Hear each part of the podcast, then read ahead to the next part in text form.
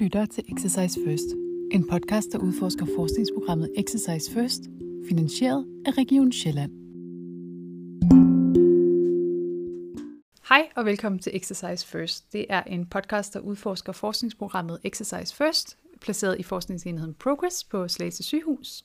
Mit navn er Eva, og i dag der har jeg Charlotte Simoni og Malene Bæk med mig i studiet. Tak fordi I vil være med. Selvfølgelig. Det er hyggeligt at være her. Charlotte, du har jo snydt lidt. Du har jo været gæst her før. Øh, men Malene, du er jo ny på banen. Skal vi ikke starte med, at du præsenterer dig selv? Jo, tak. Det er nemlig rigtigt, at jeg her på 1. januar er blevet ansat i, i Progress, øh, så jeg har faktisk en øh, lille, lille jubilæum fra i går. Jeg har været her en måned, øh, og øh, ja. Hvad har du, hvilken baggrund har du? Jamen, jeg er faktisk ligesom Charlotte sygeplejerske oprindeligt uddannet. Og da jeg gik og passede for tidligfødte børn inde på Rigshospitalet, så tænkte jeg, at jeg har brug for noget mere viden om det her fag. Så jeg videreuddannede mig først i en kandidat, og så en Ph.D. Og øh, sidenhen har jeg så været adjunkt, og i dag er jeg lektor på øh, Folke, Institut for Folkesundhed, og er også ansat her i Progress. Mm. Og Charlotte, for dem, der måske ikke lige helt kan huske, hvem du er, hvad, vil du ikke lige præsentere dig engang? Jeg er jo lektor øh, og har været det siden september sidste år i Illness Mastery og Rehabilitering tilknyttet SDU i Institut for Regional Sundhedsforskning, og jeg har det store privilegie, at jeg har været her i Progress i efterhånden mange år. Øh, og før det øh, tog jeg en phd uddannelse ved Aarhus Universitet, og endnu før det tog jeg mig faktisk en pædagogisk kandidatuddannelse ved det, der hed Danmarks Lærerhøjskole. Øhm, og endnu før det var jeg sygeplejerske i, hvad hedder det, i det intensive miljø, i det kirurgiske miljø og det medicinske miljø. Så jeg har en bred sådan klinisk erfaring med mig ind i alt det her spændende arbejde. Og øh, inden vi sådan dykker ned i, i det, vi skal tale om i dag, for der kan jeg godt afsløre, at I har snydt lidt og taget et emne med hjemmefra, så tænker jeg, at det er interessant at høre, ikke nok med, at I har nogenlunde sådan samme grunduddannelsesbaggrund, men I kender også hinanden, eller hvordan er det, det hænger sammen? Jamen altså, øh, der vil jeg godt starte med at lægge ud og sige, at øh, jeg fik at vide af min hovedvejleder, da jeg var phd studerende ved Aarhus Universitet, at øh, jeg, øh, der var en, en anden phd studerende som jeg ville have glæde af at lære at kende, øh, fordi vedkommende havde lige så mange nysgerrige spørgsmål som jeg selv. Og der mente han øh, Charlotte, og det er ved at vel, ja, det var tilbage i 12-13 stykker. Øh, og siden den gang har, øh, har jeg faktisk nærmest talt sammen med Charlotte en gang om dagen, øh, fordi vi altid har et nysgerrigt spørgsmål øh, til hinanden. Så ja, vi har fulgt det ad øh, i mange af de faglige sammenhænge og akademiske sammenhænge, og efterhånden også publiceret en del sammen faktisk. Og noget af det, kan jeg sige, som, øh, som vi har udviklet os med sammen, det er jo at øve os i at træne og designe studier, øh, og også beskrive dem øh, på forskellige måder. Og alle de, øh, det kan måske virke så nemt for dem, øh, der, der kigger på det udefra, men øh, der er en del øh, knups og, og øh, udfordringer forbundet med det. Der er også en masse gode ting, som vi har fejret sammen, og nogle champagnepropper, der er fløjet, og nogle øh, flødeboller, som er givet på grund af undskyld, at det, det tog lang tid med det, eller et eller andet. Og, og alle de her øh, hvad, hvad kan man sige, sådan lidt mere tekniske ting ved at være forsker, har vi ligesom også uddannet os øh, øh, øh, i øh, sideløbende, og vi har delt meget af det. Mm. Og hvis jeg må supplere, så vil jeg sige, at den forskningsuddannelse, som, som vi jo er skolet og uddannet i, har haft sådan ståsted et filos- øh, har haft et filosofisk afsæt. Øh, og, og mange af de tanker og de øh, refleksioner, man har i den forbindelse, kan man virkelig godt have brug for at vende med nogen, der også kender det ståsted, eller den filosofi eller teori, som man på en eller anden måde øh, arbejder med. Så, øh, så jeg vil også sige, at det er sådan fagligt set jo helt afgørende, at man på en eller anden måde kan adressere de ting sammen. Vi er også meget forskellige, øh, og det er vi, øh, det er vi på flere planer, men øh, Øh, også rent fagligt. Øh, vi, vi kom sådan set lidt fra hver sin vinkel, kan man sige. Øh, hvor Malene, du har beskæftiget dig meget med sådan omgivelser og rum, og hvad for nogle stemninger der er i hospitalsmiljø. Var det så øh, i, øh, i, tilbage i, i det forløb, øh, og hvor jeg har sådan øh, været mere øh, patientorienteret, kan man sige. Og det er jo ikke fordi, at du ikke har interesseret dig for patienter, men, men du ved meget mere om, om øh, rums betydning for, for øh, forskellige ting og sager i, for syge mennesker, øh, hvor, hvor jeg er mere optaget af, hvad skal man sige, sådan de indre sider af patienters øh, oplevelser. Ja, på en eller anden måde har vi vel flettet det sammen. Ja, og man kan sige, at det bliver ret tydeligt, når man kommer ind i enhed som Progress, hvor vi er meget sådan tværfaglige, at det betyder også noget fra, hvilken uddannelsesbaggrund du har. Altså, at det, det kan faktisk både være en fordel, men også noget grus, der skaber fnider i maskineriet, fordi at, øh, jeg kender ikke noget både værre og bedre, end når du, Charlotte, siger sådan, jamen, hvilke pædagogiske årsager er der til det, hvor jeg som sygeplejeteoretiker står til, eller som, jeg kender sygeplejeteorierne, øh, men, men du har en pæd ud i baggrund, og du spørger om ting, som jeg ikke øh, kender, men det er jo som regel der, der er nogle nødder, der så bliver knækket. Så det er jo også, kan man sige, et, øh, et langt fagligt samarbejde, som jeg har haft, som nu kommer til at komme Progress til gode, tænker jeg. På hvilke måder kommer det til at styrke enheden fremadrettet? Ja, altså det, det er fuldstændig rigtigt, at vi, jeg har faktisk altid sagt til Charlotte, at jeg kommer til at arbejde sammen med dig formelt. Det ved jeg bare. Øh, og det gør vi så også i dag. Vi har også været knyttet op på det samme universitet i, i mange år. Men jeg tænker, at det vi lige nu er ved at lægge hånd om, eller sådan det vi arbejder med nu, er jo netop, hvordan vi kan bidrage øh, hinandens sådan ståsteder, øh, både med pædagogik og sygeplejeteori. Hvordan kan vi tænke det ind i en sammenhæng, som på en eller anden måde er, er legnet med de, med de visioner, som der er her i Progress, øh, og bidrage med det ligesom faktisk for impact øh, for dem, der skal bruge øh, fysisk bevægelse eller øh, hvad hedder det, træning til noget. Men skal vi dykke lidt ned i det, fordi det er jo et, for et, øh, en podcast, der handler om forskningsprogrammet Exercise First, og I har jo som sagt snydt lidt hjemmefra og taget et, øh, et tema med hjemmefra. Det er bevægelse, I gerne vil tale lidt om, og hvordan kan det være? Ja, men det er jo fordi, at øh, i bund og grund så handler Exercise First jo øh, om bevægelse. Øh, måske primært om fysisk bevægelse, men, øh, men øh, når man kigger sådan lidt nærmere ned i det, så handler det jo faktisk også om menneskers bevægelse på forskellige ledere og kanter.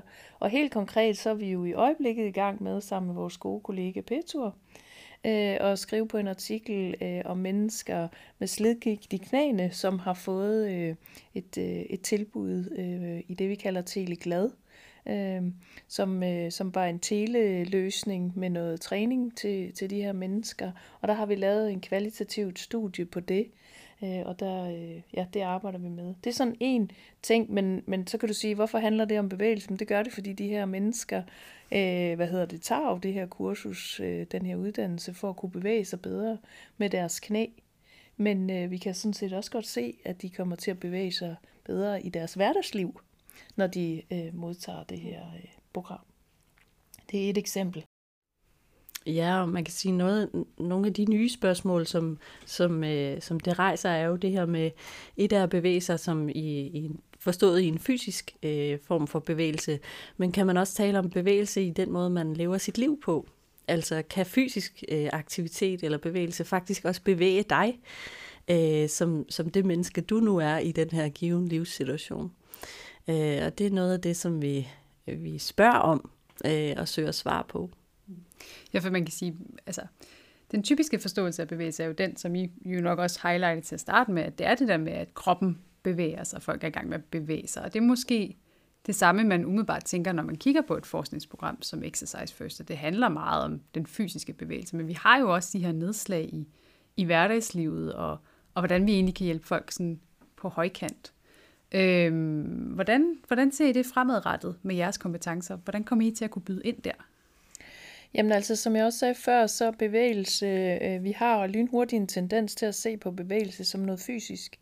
Og faktisk så, så mener jeg også, at der er den generelle opfattelse, når man taler om eksempelvis rehabilitering, at så er der mange, der sætter lighedstegn med træning. Og hvis man så, som jeg også sagde før, kigger lidt dybere på det, så handler den fysiske træning eller den fysiske bevægelse, har jo tit tilknytning til en anden form for bevægelse, end, end det vi kan kalde for mere sådan menneskelig bevægelse, en bevægelse, som er i livet. Og jeg tror, at de fleste af os øh, har oplevet det her med at, at have en god øh, øh, fysisk bevægelsessituation, som så faktisk også har løftet os som mennesker, øh, eller i hvert fald som har påvirket os på en eller anden måde. Omvendt er der nok også mange af os, der har oplevet at prøve at gøre et eller andet fysisk, som vi så ikke kunne. Øh, vi kunne have været syge eller et eller andet og prøve at kravle ud i køkkenet. Øh, og det sætter sig jo også i en som, som et menneske. Så det er egentlig, øh, hvis jeg skal være helt ærlig, måske sådan lidt en overset dimension ved bevægelse, at det, det, det, det er noget, der er, er, er mere øh, kompleks knyttet til, til en som menneske, end, end vi sådan umiddelbart sådan lige får øje på, når vi kigger på det. Ja, så jeg vil sige, jeg har lyst til at sige, at jeg kommer til at tænke på en, der engang sagde til mig, at du fortryder aldrig en løbetur. nu er jeg ikke sådan en, der løber meget, men, men vedkommende havde jo ret på det, forstået på den måde, at øh, der, der sker jo noget med en, også ikke kun op i hjernen, at det udløser endorfiner, når man rent faktisk bevæger sig, men det vi også er optaget af, det er, hvad gør det ved dig som menneske? Øh, og noget af det, som jeg egentlig har interesseret for mig for, det er at kigge på, hvad betyder det, når man for eksempel slår det at bevæge sig op? Hvad betyder det egentlig? ordet. Øh, og det betyder, at man kan flytte nogen eller noget i retningen mod noget. Og der har jeg bare været interesseret i at sige, hvad, hvad, hvad er den retning mod noget? Altså, hvor er det, vi gerne vil flytte mennesker hen, udover at vi gerne vil flytte deres lemmer fra A til B for at styrke deres muskler, og vi ved, at fysisk træning er godt for din krop, din fysiologiske krop. Men hvor retter vi dem mod eksistentielt? Altså, kunne det tænkes, at vi på en eller anden måde faciliterer noget mod, eller livsmod, eller glæde, eller velvære? Eller, altså, nogle af de her sådan lidt mere, øh, hvad kan man sige... Øh, grundlæggende vilkår, som vi også har i vores liv, som skal til for, at vi faktisk trives. Øh, og det er noget af det, som vi, ja, vi begge to er optaget af. Og det bunder jo i en forståelse af, at man jo også, altså selv de gamle grækere, de, de vidste jo, at fysisk aktivitet og erkendelse, det hænger sammen. Et sundt øh, læme er lige med et sundt sind. Og den forståelse er, i, øh, er, er vi optaget af at undersøge, hvordan kan man på en eller anden måde tænke den ind i vores sundhedsvæsen i dag. Og når det er sagt, øh, jeg, jeg er selvfølgelig enig i de der ting, men når det er sagt, så, så mener jeg egentlig også, at øh, vi i sundhedsvæsenet har for lidt fokus på øh, det her, som du peger på, Malene. Hvad er det så rettet mod? Øh, det store spørgsmål er jo så, hvem skal definere det? Øh, og der vil jeg jo sige, og det er muligvis min pædagogiske baggrund, der taler i mig, men at det skal mennesket jo selv være med til at finde ud af. Fordi at øh, jeg kan være nok så sundhedsprofessionel, og jeg kan også godt vide, hvad der anbefales i forhold til, at man for eksempel ikke skal ryge, eller man skal løbe, eller et eller andet. Men, men lige så snart, at vi kommer bare en lille smule længere ned under overfladen, så, øh, så, så er det jo dybest set mennesket selv, der ved, hvad der er adgang til øh, velvære eller trivsel øh, i ens liv. Øh, og det, øh, det kunne jeg rigtig godt tænke mig, at vi fik, øh, fik meget mere viden om, så vi blev klogere på, hvad er det egentlig, mennesker gerne vil bevæges hen mod. Og, og hvordan, altså, hvordan får I så den viden? Det er jo så det næste. Det er jo meget, altså sådan, hvordan får vi fat i al den her viden? Hvordan får vi den ud af folk? Ja, så, så er det jo, vi smøger ærmerne op, og så går vi i gang. ja. altså jeg får lyst til i hvert fald at sige, at øh, selvfølgelig, øh, du sagde lige, at der er vi nok øh, ikke helt ens øh, i forhold til, sådan, hvordan vi tænker om det, fordi du har et pædagogisk blik på det. Men inden for sygepleje, altså hvis man skal tale om, hvad sygepleje er, så siger man jo, at det er at støtte og lindre folk under sygdom. Og der taler man jo for eksempel også om egenomsorg. Altså, hvordan kan vi egentlig, altså under den grundtro, at mennesker kan selv og vil selv, det er en af de fundamentale sygeplejeteorier, at øh, det tror vi faktisk øh, på, for eksempel med OREM.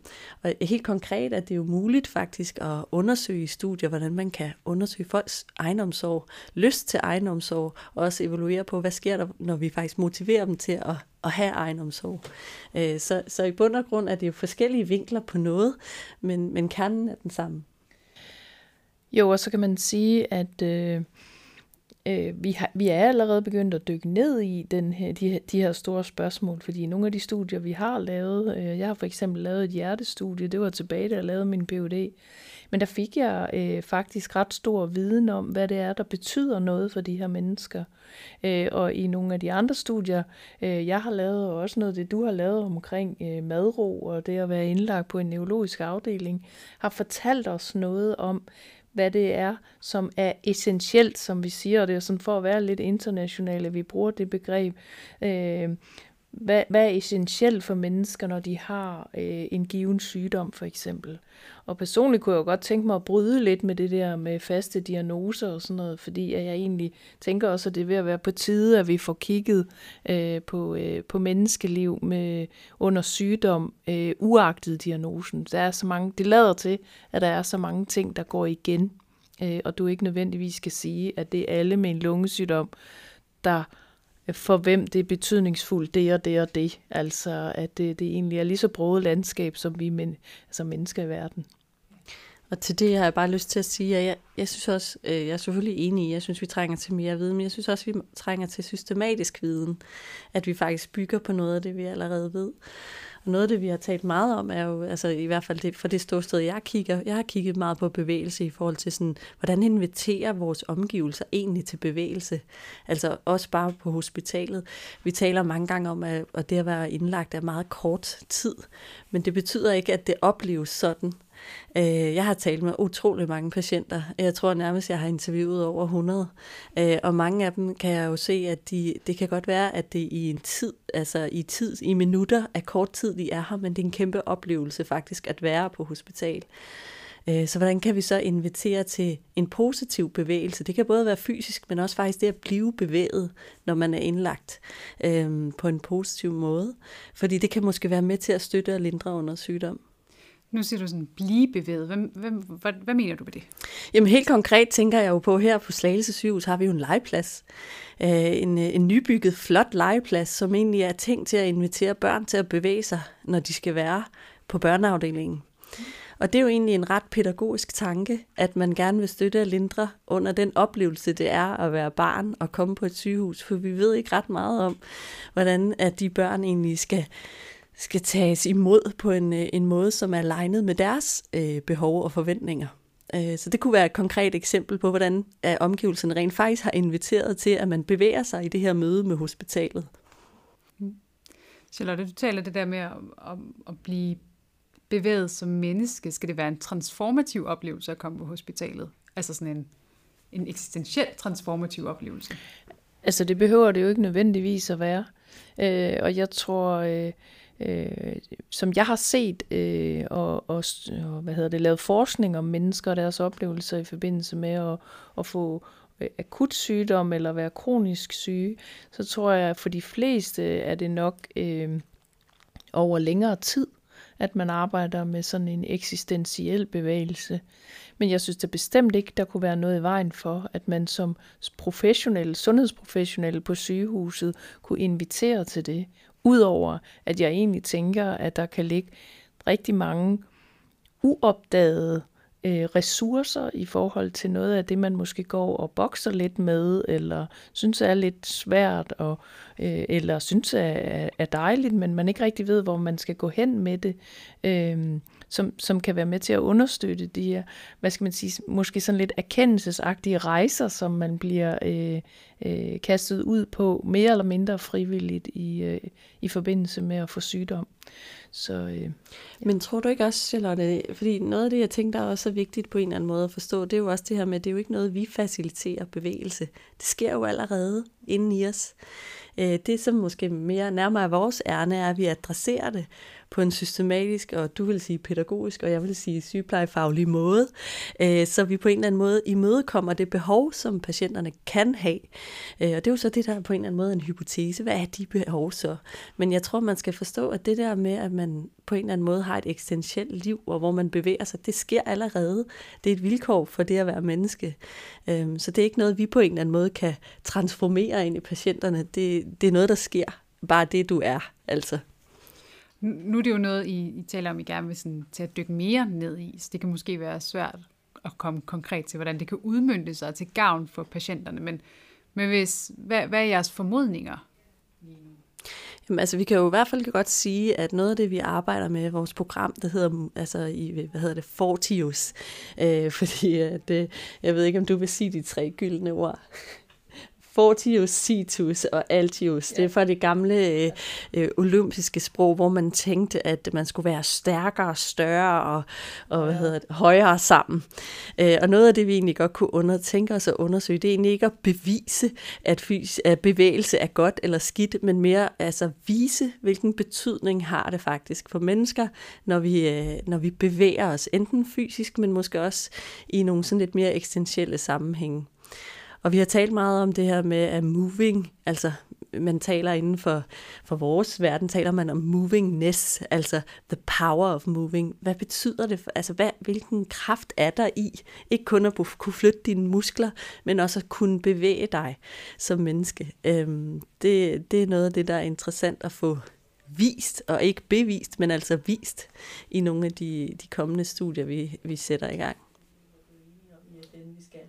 Men det tænker jeg også, øh, hvad jeg kunne høre fra nogle af de andre, der har været med i podcasten, at det egentlig ligger meget fint i tråd med den forståelse, der er af bevægelse lige for tiden. Der er ved at ske et skift i, hvordan man forstår det. Altså der er sket et skift i, hvordan man måler fysisk bevægelse, at i stedet for, at det er over et bestemt stykke tid, så kan man godt tage de der små increments, man har i løbet af dagen. Det der med at gå op ad trappen til fjerde sal, det er stadigvæk bevægelse. Så, så der kommer en udvidelse, tænker jeg, af forståelsen af bevægelsesbegrebet. Øhm, men hvordan kommer det til at redde verden? På en måde så tror jeg, at, øh, at, at vi på lidt kan være med til at redde verden ved at, at hjælpe med at få skabt viden om de her bevægelser, som der er, kan vi næsten sige, både på de indre og de ydre linjer.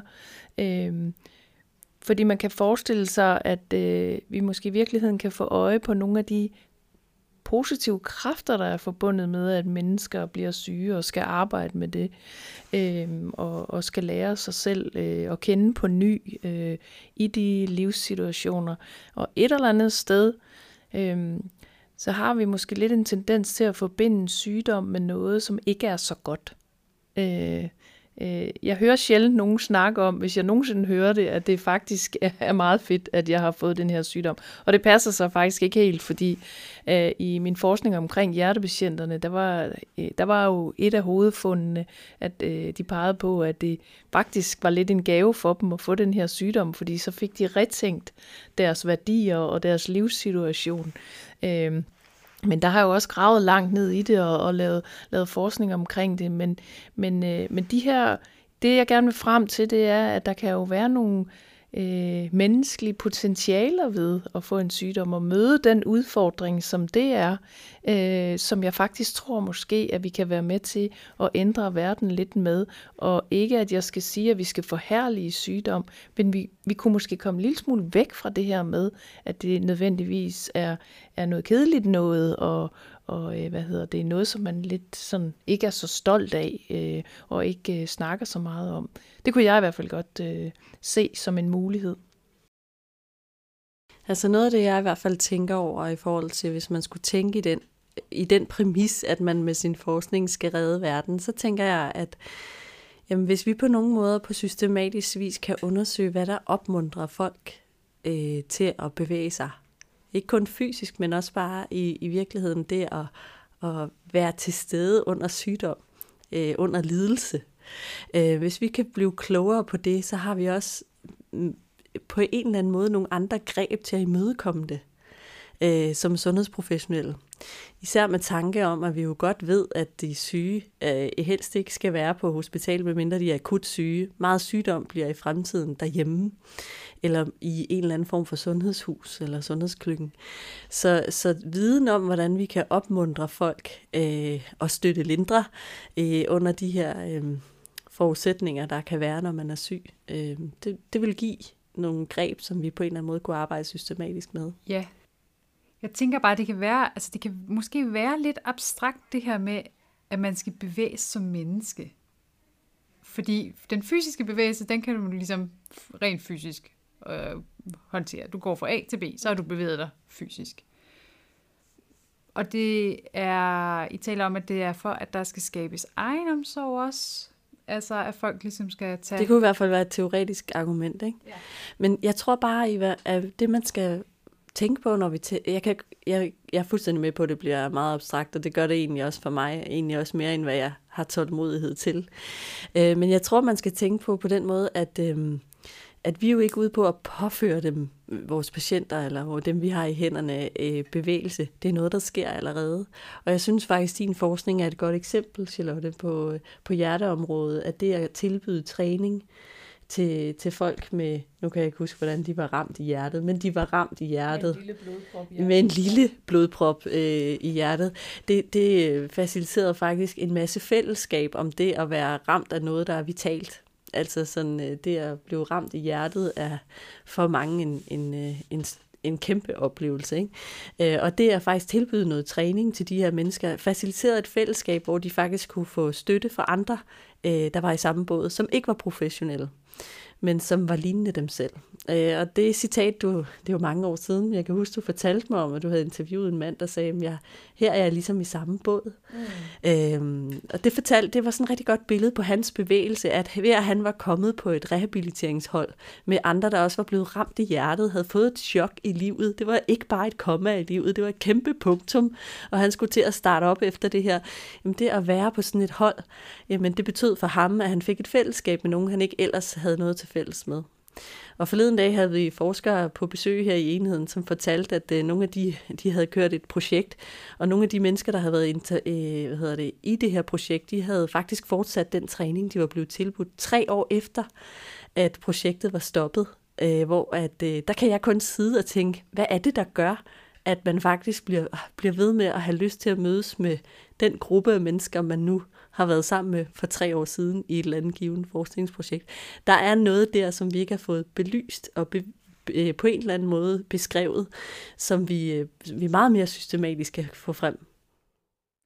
Altså jeg tænker, det hjælper rigtig meget at få sat nogle eksempler på også, fordi det er jo også sådan noget med, at vi har nogle andre projekter, der kigger på fastholdelse, netop i rehabilitering og sådan noget, hvor at den forskning, I kommer til at lave, faktisk kan gå med ind og understøtte her, faktisk kan gå med til at få hele det her holistiske syn. Det er ikke nok med, at vi har state-of-the-art fysioterapeuter, som er skide gode til at, at få folk til at lave den fysiske bevægelse, men der skal være nogle rammer for, at folk gider at møde op. Øh, og hvad er, hvad indeholder de rammer så? Det er jo også noget, I går ud fra, kan, kan tage et kig på.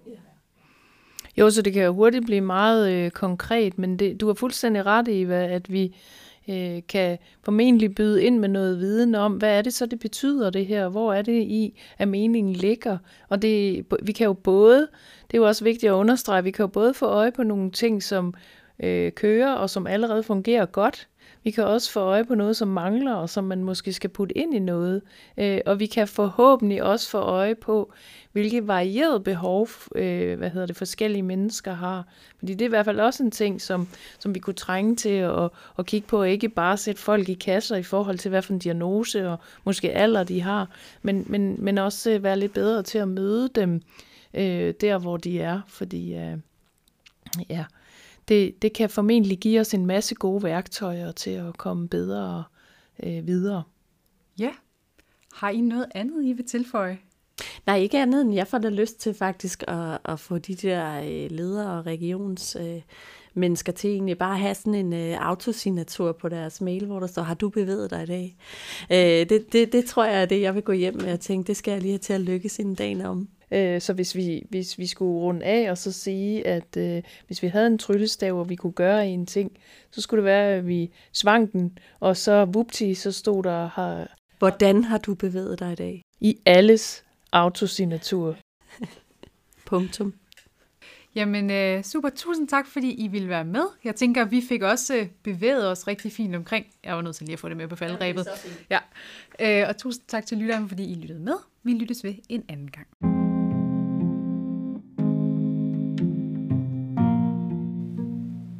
Tak fordi du lyttede med på dette afsnit af Exercise First.